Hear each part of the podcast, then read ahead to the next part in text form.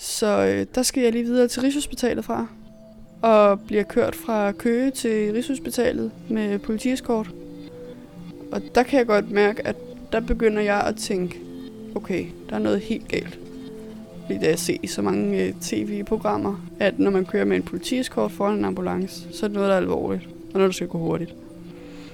Så øh, der tænker jeg lige inden, at vi er ved Rigshospitalet, så spørger jeg egentlig ad, for jeg kender øh, ham her paramedicineren. Jeg har gået i øh, klasse med hans søn. Så spørger jeg ham ad, hvad, prøv at høre her Jesper, hvorfor ligger jeg egentlig her? Og at så kigger han på mig som om, okay, ved du ikke det? Har du slet ikke fået noget at vide om det her? Så, så siger han så til mig, jamen ja, der er ikke nogen nem måde at sige det her på. Men øh, hvor han så står med en, øh, et søm lignende i hånden, så siger han, jamen øh, rent ud af posen, du ligger lige nu med en mand til den her ind i hovedet. Du lytter til spejlet. Tusind portrætter. En generation. Jeg hedder Sara Fondo. Lige nu sidder jeg i regionaltoget på vej til Haslev station, hvor jeg lige om lidt skal mødes med Annika. Annika hun har oplevet og overlevet noget, som nærmest er for vildt til at forestille sig. Hun blev nemlig skudt med en sømpistol for snart syv år siden, og pludselig havde hun altså et 10 cm langt søm siddende i hendes pande, som borede sig ind i hjernen. Selvom det er lidt af et mirakel, at Annika overlevede den ulykke, så ved jeg, at hun føler, at en del af hende døde den dag. Den glade, udadvendte, velfungerende Annika. Så hvem er Annika blevet til efter ulykken? Det søger jeg svar på i dag, når hun skal se sig selv i spejlet.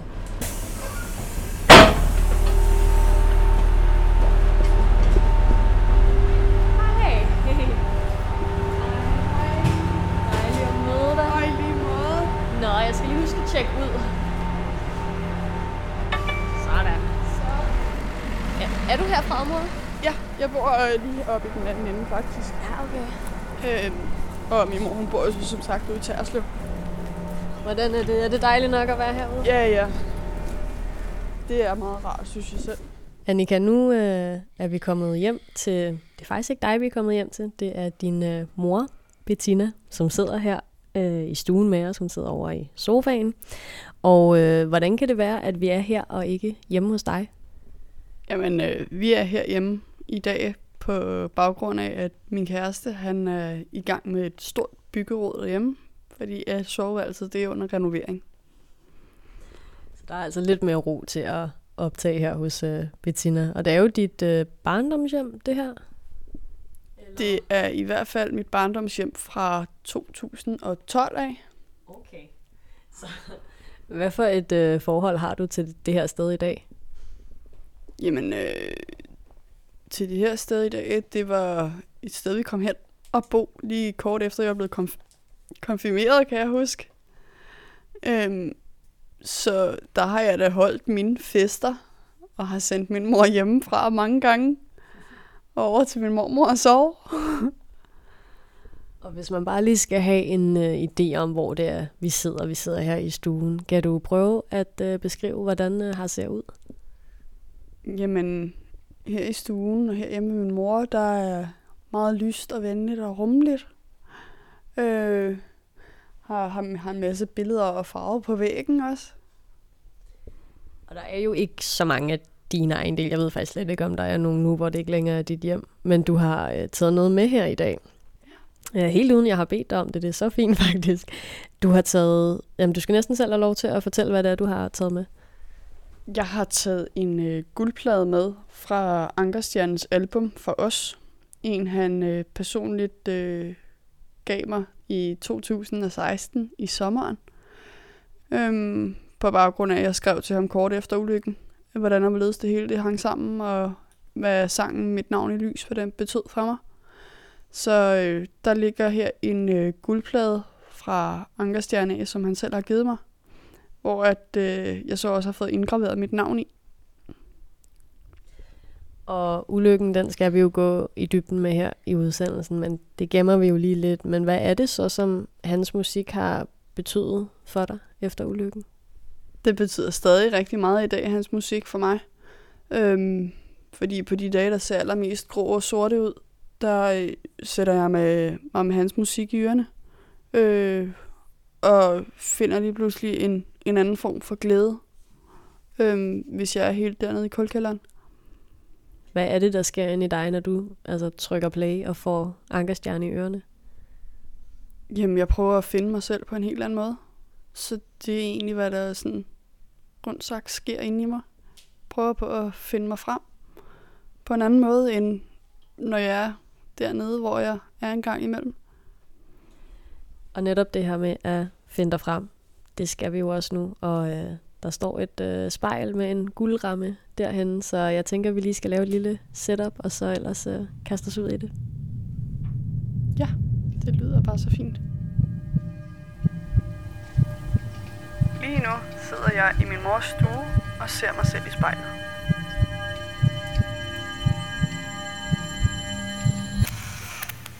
Annika, nu har vi øh, sat os på to stole, og du sidder, så du kan se dig selv inde i et spejl her.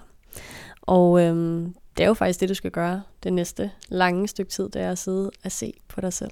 Hvordan øh, har du det med det? Det har jeg det fint nok med, tænker jeg. Og øhm, inden vi går i gang, så synes jeg lige, du skal prøve at lukke øjnene. Og så bare øh, ja, holde dem lukket, indtil jeg siger til. Og så bare tage en god, dyb vejrtrækning helt ned i maven. I februar 2015, der er du ude for en ulykke, der vender op og ned på dit liv. Og den skal vi snakke om. Men inden vi kommer dertil, så gad jeg godt, at du fandt den Annika frem, som du var inden ulykken. Og når du så åbner dine øjne igen, kan du så prøve at finde hende frem i spejlet, og så fortælle mig, hvem hun er, og hvordan hun er? Jeg kan prøve på det i hvert fald. Jamen, øh, før ulykken, der var jeg en smilende, glad og meget udadvendt pige med mod på livet, og jeg havde uddan eller jeg var i gang med uddannelse. Jeg ville uddanne mig til faldgræder. Øhm, og, øh, og jeg havde egentlig mange venner, og havde en god omgangskreds, og jeg festede, og der var som en meget almindelig ungdom, vil jeg sige. Øhm, og så synes jeg selv, at jeg, jeg arbejdede meget, altså prøvede på at også holde min ungdomlige økonomi oppe. Ja. Og hvordan har du det, når du tænker tilbage på den, Annika?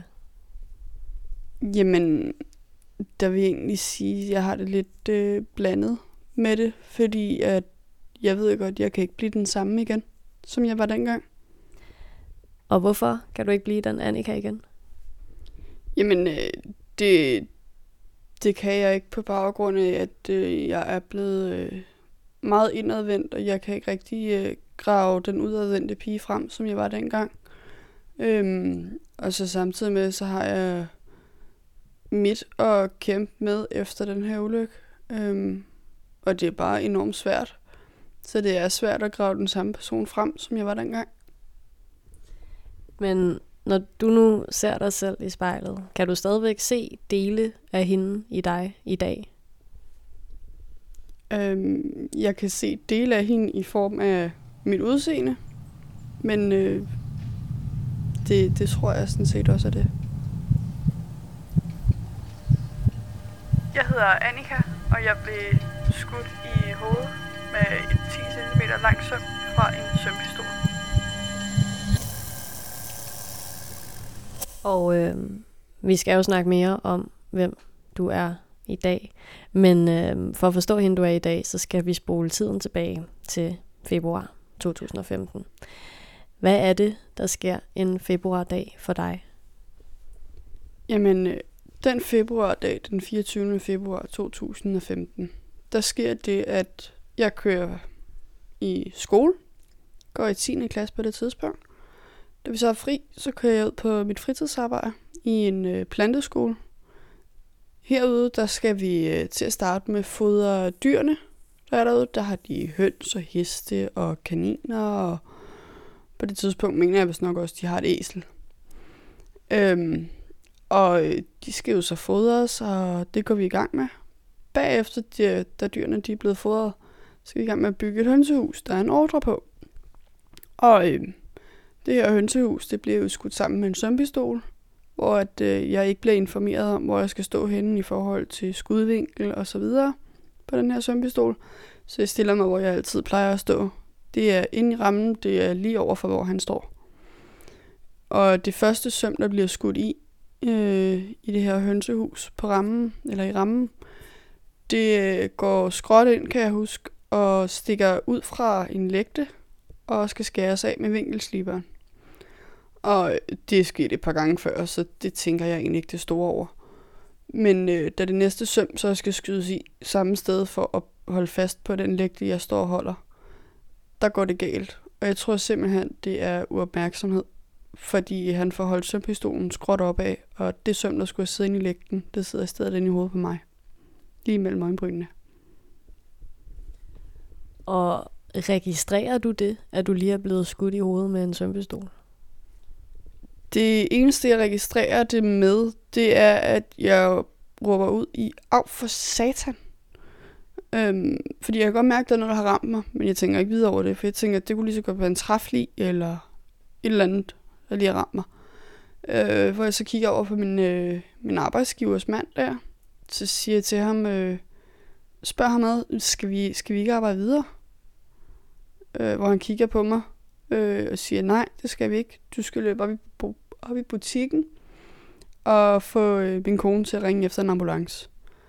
Nå, det gør jeg så. Jeg går over gårdspladsen op i butikken og får hans kone til at ringe efter en ambulance, hvor jeg sætter mig op i frokoststuen imens. Øh, og jeg husker tydeligt kundernes ansigt, da jeg kom ind i butikken, fordi de lignede jo nogen, der havde set et spøgelse. Øh, da ambulancen så kommer, så øh, bliver jeg lagt på øh, den her borger, og bliver kørt ud i ambulancen, og hvor jeg så egentlig altså, tænker over, om jeg skulle spørge, hvorfor jeg ligger her.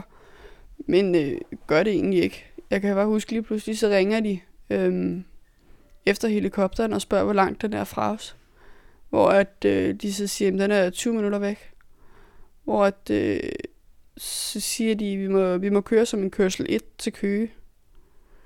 Øh, ude på Køge sygehus, der bliver jeg lagt ind på... Jeg kan ikke huske, om jeg blev lagt på en stue eller en gang. Øh, hvor de øh, piller min ørering ud. Og det er sådan set, hvad de når på Køge. Øh, hvor jeg ligger derude i en time til halvanden godt og vel. Øh, før de finder ud af, at vi mangler en øh, neurokirurgisk afdeling. Så øh, der skal jeg lige videre til Rigshospitalet fra og bliver kørt fra Køge til Rigshospitalet med politieskort. Og der kan jeg godt mærke, at der begynder jeg at tænke, okay, der er noget helt galt. Fordi da jeg ser i så mange øh, tv-programmer, at når man kører med en politiskort foran en ambulance, så er det noget, der er alvorligt, og når det skal gå hurtigt. Så øh, der tænker jeg lige inden, at vi er ved Rigshospitalet, så spørger jeg egentlig ad, for jeg kender øh, ham her paramedicineren. Jeg har gået i øh, klasse med hans søn, så spørger jeg ham ad, hvad, prøv at høre her Jesper, hvorfor ligger jeg egentlig her? Og at så kigger han på mig som om, okay, ved du ikke det? Har du slet ikke fået noget at vide om det her? Så, så siger han så til mig, jamen ja, der er ikke nogen nem måde at sige det her på. Men øh, hvor han så står med en, øh, et søm lignende i hånden, så siger han, jamen øh, rent ud af posen, du ligger lige nu med en mand til den her ind i hovedet. Hvor så begynder jeg sådan at skal prøve at tage mig op til panden. Og så siger han, nej, du må ikke røre ved det. Nå, jamen, så tænker jeg, hvad skal jeg så finde på at leve herinde i ambulancen? Så øh, kommer jeg i tanke om, jeg har en aftale med en veninde om aftenen. Og det er faktisk klokken 7. Om at vi skal ned og træne sammen. Så spørger jeg, hvad er det i orden, at øh, jeg lige ringer min veninde op? Fordi øh, jeg kan jo sgu da ikke komme ned og træne med hende i aften. Jo, siger de så, det kan du godt, hvis du har mod på det. Ja, jeg siger, det gør jeg bare. Men øh, jeg ringer så op til min veninde her. Det er jo så Stine i det her tilfælde. Og så siger jeg til hende, øh, jamen øh, Stine, jeg kan ikke øh, komme ned og træne i aften, for jeg ligger sgu i ambulancen på vej til Rigshospitalet. Nå, jamen hvorfor ligger du der? Svarer hun så, eller spørger hun så om. Jamen, øh, siger jeg lige fået at vide, at øh, jeg ligger med sådan en søm inde i hovedet, af den vi skyder med fra sømpistolen ude på mit arbejde. Nå, jamen øh, er det så alvorligt, spørger hun så. Ja, siger jeg, fordi det er et søm på 10 cm. Og hun troede jo så ikke rigtigt på det. Så siger jeg, ved du hvad, Stine, det er fint. Jeg sender dig en snap, for jeg har sgu heller ikke set mig selv endnu. Øhm, og øh, det kan jeg så huske, jeg spørger Falk ad igen, om det er i orden, at jeg sender en Snapchat til hende. Hvor de så også kigger på mig igen, som om de har set et eller andet. Altså, som de aldrig har hørt om før. Øh, så siger de, ja, det er det, hvis du har mod på det. Jamen, så det har jeg, det er fint. Så tager jeg det her billede, og jeg kan bare huske, nå, det ligner jo, at jeg har sådan en sort plet i panden. Øhm, da jeg kigger på det her billede. Så, øh, så sender jeg det så afsted til Stine her. Og så ringer hun til mig lige bagefter. Jamen, det kunne hun jo godt se, at det var jo var noget alvorligt. Så hun kunne godt forstå, at jeg ikke kom ned og trænede om aftenen. Jeg hedder Annika, og ulykken her, den ændrede mit liv og min personlighed. Og da du så vågner op igen, øh, efter at have været i narkose, hvad er det første, du tænker der? Det første, jeg tænker, det er af mit hoved. Fordi jeg har så ondt i hovedet, da jeg vågner fra den her narkose. Og hvordan havde du det? Altså netop når du virkede sådan lidt øh, ovenpå, da det skete, hvordan havde du det så her efter? Jamen, efter der var jeg træt, og jeg kunne godt mærke, der var noget, der var ændret ved mig, men det bed jeg ikke rigtig mærke i, lige umiddelbart. For jeg tænkte, det kan jo godt være, at det bare lige er den her dag, eller de her par dage, altså. Så på den måde, så bed jeg faktisk ikke mærke i, at der var særlig mange ting, der var ændret, udover at jeg havde en kraftig hovedpine. Men, men der var altså en lille fli af dig, der følte, der var noget, der havde ændret sig. Kan du, ja. kan du prøve at uddybe det? Altså, hvordan kunne du mærke det? Jamen, det kunne jeg mærke ved, at jeg var øh, sådan mærkeligt træt hele tiden til at starte med. Og der var langsomt hen ad vejen. Der var nogle ting, der begyndte sådan at få mig til at fare op under loftet, hvis man kan sige det på den måde. Øh, forstået på den måde, det kunne være en lyd, eller det kunne være en lugt, eller, eller ja, generelt set lyde, lugte, lys og så videre. Fordi lysfølsomheden, den kom egentlig rimelig hurtigt. Kan jeg huske, fordi det var skarpt lys, der var inde på den stue. Så der lå jeg tit og ofte bare med hovedet under dynen. Så hvis du her, at dit liv vil være forandret for altid? Jeg vidste på ingen måde på det her tidspunkt, at mit liv det ville være forandret for altid. Ikke, ikke i det omfang, som det er i dag. Så hvornår begynder øhm, altså konsekvenserne af ulykken at melde sig sådan for alvor for dig? De begynd, konsekvenserne af den her ulykke, de begynder sådan at komme snigende, faktisk langsomt. Så det må så være i 2016, der bliver jeg, kommer jeg på psykiatrisk akutmodtagelse for en depression, hvor at, øh, den er tæt på at udvikle sig til en øh, psykose. Øhm, og der efterfølgende kan jeg huske, der har jeg nogle samtaler også med en krisepsykolog, hvor hun også siger til mig, at øh, det lyder altså meget som om, at du har noget, noget der hedder PTSD, det som øh, veteraner de får. Og der begyndte jeg at tænke, det må jeg altså lige gå hjem og læse op på, fordi i mine øjne, der giver det meget god mening, og så alligevel ikke. Så, øh, så gik jeg jo så hjem og læste om det her, og så tænkte jeg, jamen, flashbacks, marit, lugte, lys, og nogle smage, og så videre. Så de pludselig så gav det bare klar mening for mig, at okay, så det er det, der er galt. Jeg sidder faktisk stadig i et traume, altså tænker jeg i første omgang, hvor jeg sidder fast. Og det var på ingen måde fedt, altså at få den at vide, det følte jeg nærmest som en nedgørelse. Og kan du prøve at tage mig altså med tilbage i en situation, hvor den her PTSD er blevet triggered af ja, lugte eller flashbacks, eller sådan, hvad der er sket der inde i dig? Jamen, øh, inde i mig, der sker det, at jeg bliver, øh, jeg bliver angst, hvis man kan, det kan man nok godt sige. Jeg bliver angst, øh, jeg får svedtur, jeg får rystetur, øh, og når de er særlig slemme, så står jeg også bare og græder ud i ingenting. Øh, fordi jeg kan slet ikke, jeg kan ikke øh, styre, hvordan min krop eller mit hoved det vil reagere. Det reagerer bare, når det, når det kommer ud for noget, som, hvor jeg ikke er komfortabel i. Så hvad kan det for eksempel være, der ligesom gør dig ukomfortabel? Jamen, en lille ting kan jeg så starte med. Det er for eksempel derhjemme, der har vi soveværelse lige ud til, hvor vi har en væg lige ud til køkkenet. Og på den her væg, der står et køleskab. Og i et køleskab, der er jo selvfølgelig en lille kompressor. Så når den her kompressor, når den går i gang om øh, natten, skråstreg aften, så registrerer min hoved det til, at øh, det er kompressoren på søvnpistolen. Så på den måde, der har jeg svært ved at sove til den. Fordi at det nemlig går ind og spoler tiden tilbage til den her ulykke. Så jeg ser det i en, faktisk en langsom gengivelse, hvis man kan sige det sådan. Hvor jeg ikke føler, at jeg kan flygte fra på nogen som helst måder. Jeg hedder Annika, og jeg savner den person, jeg var engang. Og hvis vi skal prøve at zoome ind på den Annika, der sidder her foran mig i dag, nutidige Annika.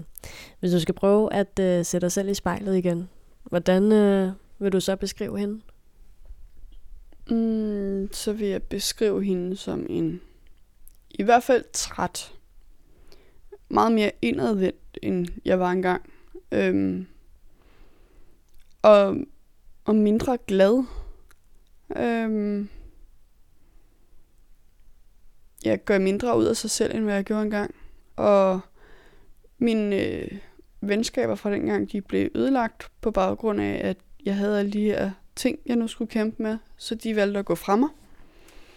Og så samtidig med, så går jeg heller ikke i byen, så jeg har fået taget hele min ungdom, og det gør mig da ked af det at tænke på. At min ungdom, den bare er blevet taget fra mig i et hug. Så føler du, at altså andre så eller ser anderledes på dig efter ulykken? Altså, inden i mig selv, der har jeg hele tiden den her følelse af, åh oh nej, hvorfor kigger hun på mig? Hvorfor kigger han på mig? Og øh, ser jeg nu forkert ud? Blænder jeg ikke ind ordentligt? Eller hvordan og hvorledes man nu kan forstå den?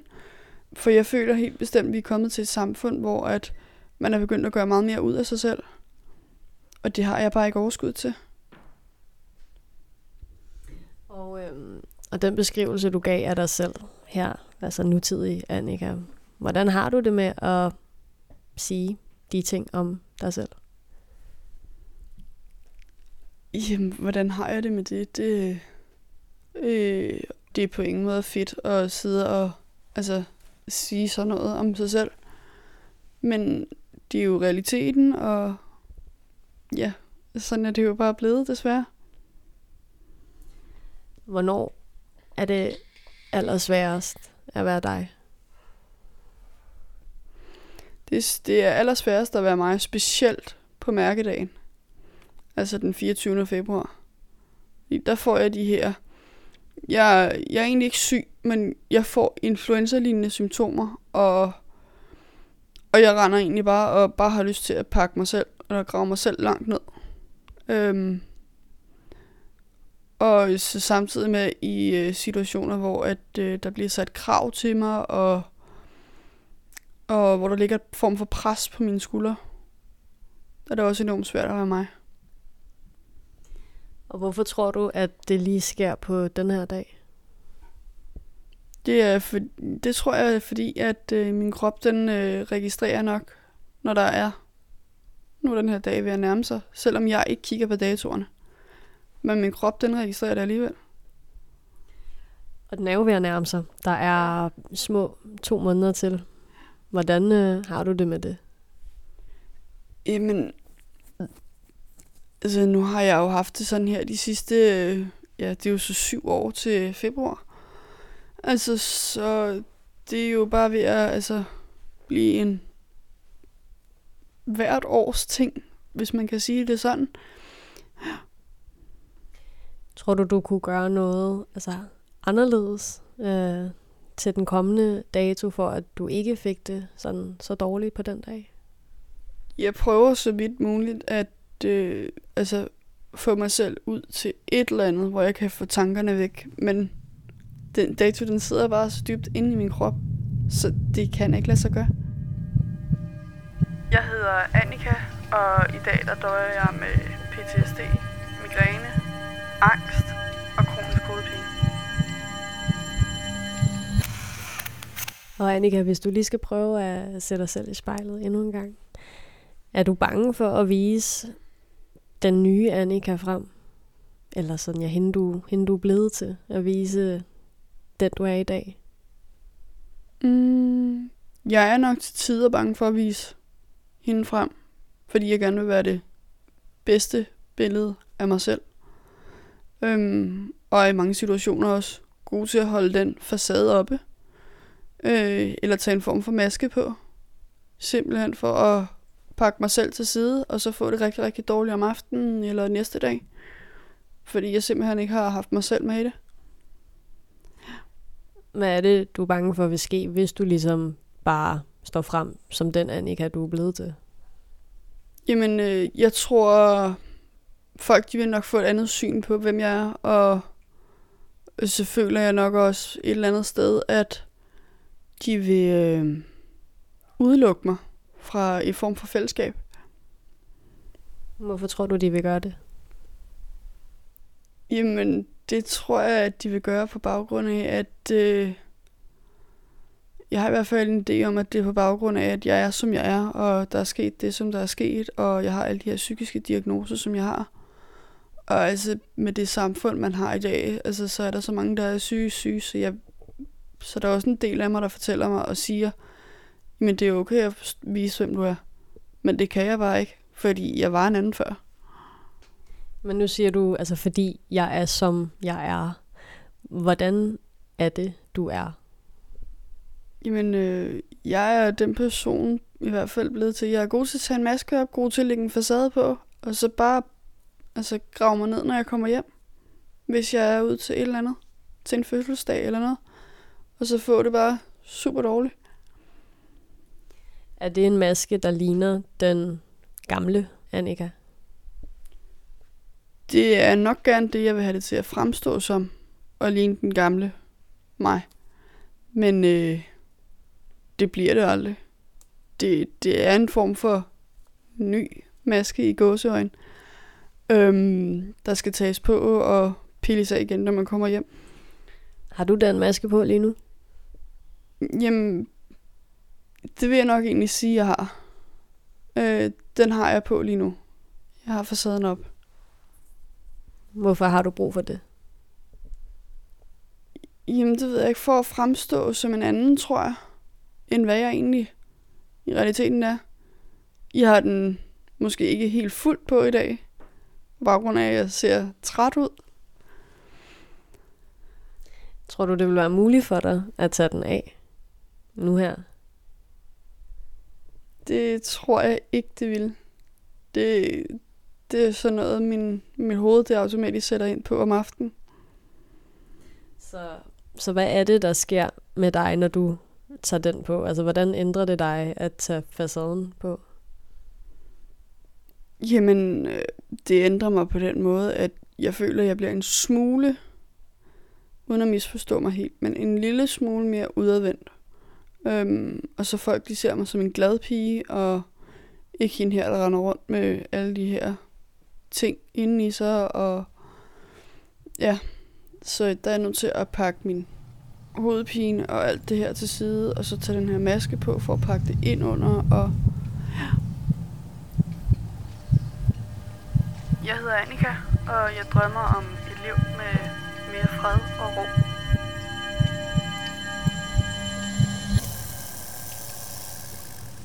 Og er der noget af den Annika, du var inden ulykken, der eksisterer den dag i dag, inde i dig stadigvæk? Øh, jeg vil umiddelbart faktisk sige, at det er udseendemæssigt. Det er det, der eksisterer stadig. Jeg vil på en måde sige, at alt andet det er ændret. Savner du hende? Helt bestemt. Jeg savner min, min gamle vennekreds, og altså, at jeg så nemt kunne altså, få venner, og at jeg kunne tage i byen, og altså, have en ungdom ligesom alle andre, og havde muligheden for at gå ud og tage en uddannelse, havde muligheden for at gå på arbejde, og ja, generelt set alle de daglige gøremål havde jeg muligheden for dengang, som jeg ikke har muligheden for den dag i dag. Hvordan skal du forlige dig med den Annika, du er i dag? Jamen...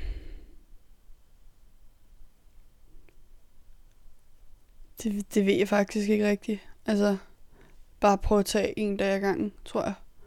Øhm, og så skal der ikke være for mange ting, jeg skal lave på en gang, og, og der skal ikke ligge sådan nogle pres eller no, nogle deadlines derhjemme, og, og når jeg laver mad, så er det jo oftest altså sent, vi får aftensmad, øhm, på baggrund af, at det tager de timer, som det gør for mig at lave aftensmad, fordi jeg simpelthen ikke har energien til at skulle stå derude i bare en halv time, som det måske tager at lave mad, men jeg er simpelthen også nødt til at gå ind og sætte mig og slappe af.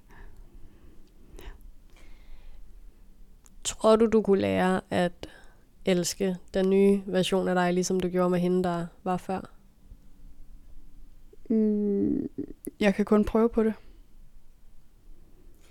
Og du sagde jo egentlig, at det eneste, der eksisterede fra den gamle version, det var egentlig sådan dit spejlbillede, altså udseendet.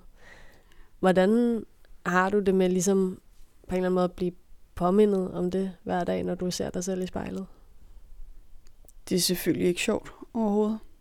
Men øh, det er også noget, jeg bare altså, har sagt til mig selv, det må jeg lære at leve med. Og øhm, jeg plejer at øh, slutte programmerne af med, at man øh, siger nogle ord til sit eget spejlbillede faktisk. Hvis du skulle sige noget til nutidige Annika, nogle, nogle gode ord, noget der kunne få dig til at, at have det lidt bedre med den, du nu engang er, hvad vil du så gerne sige til dig selv? Mm.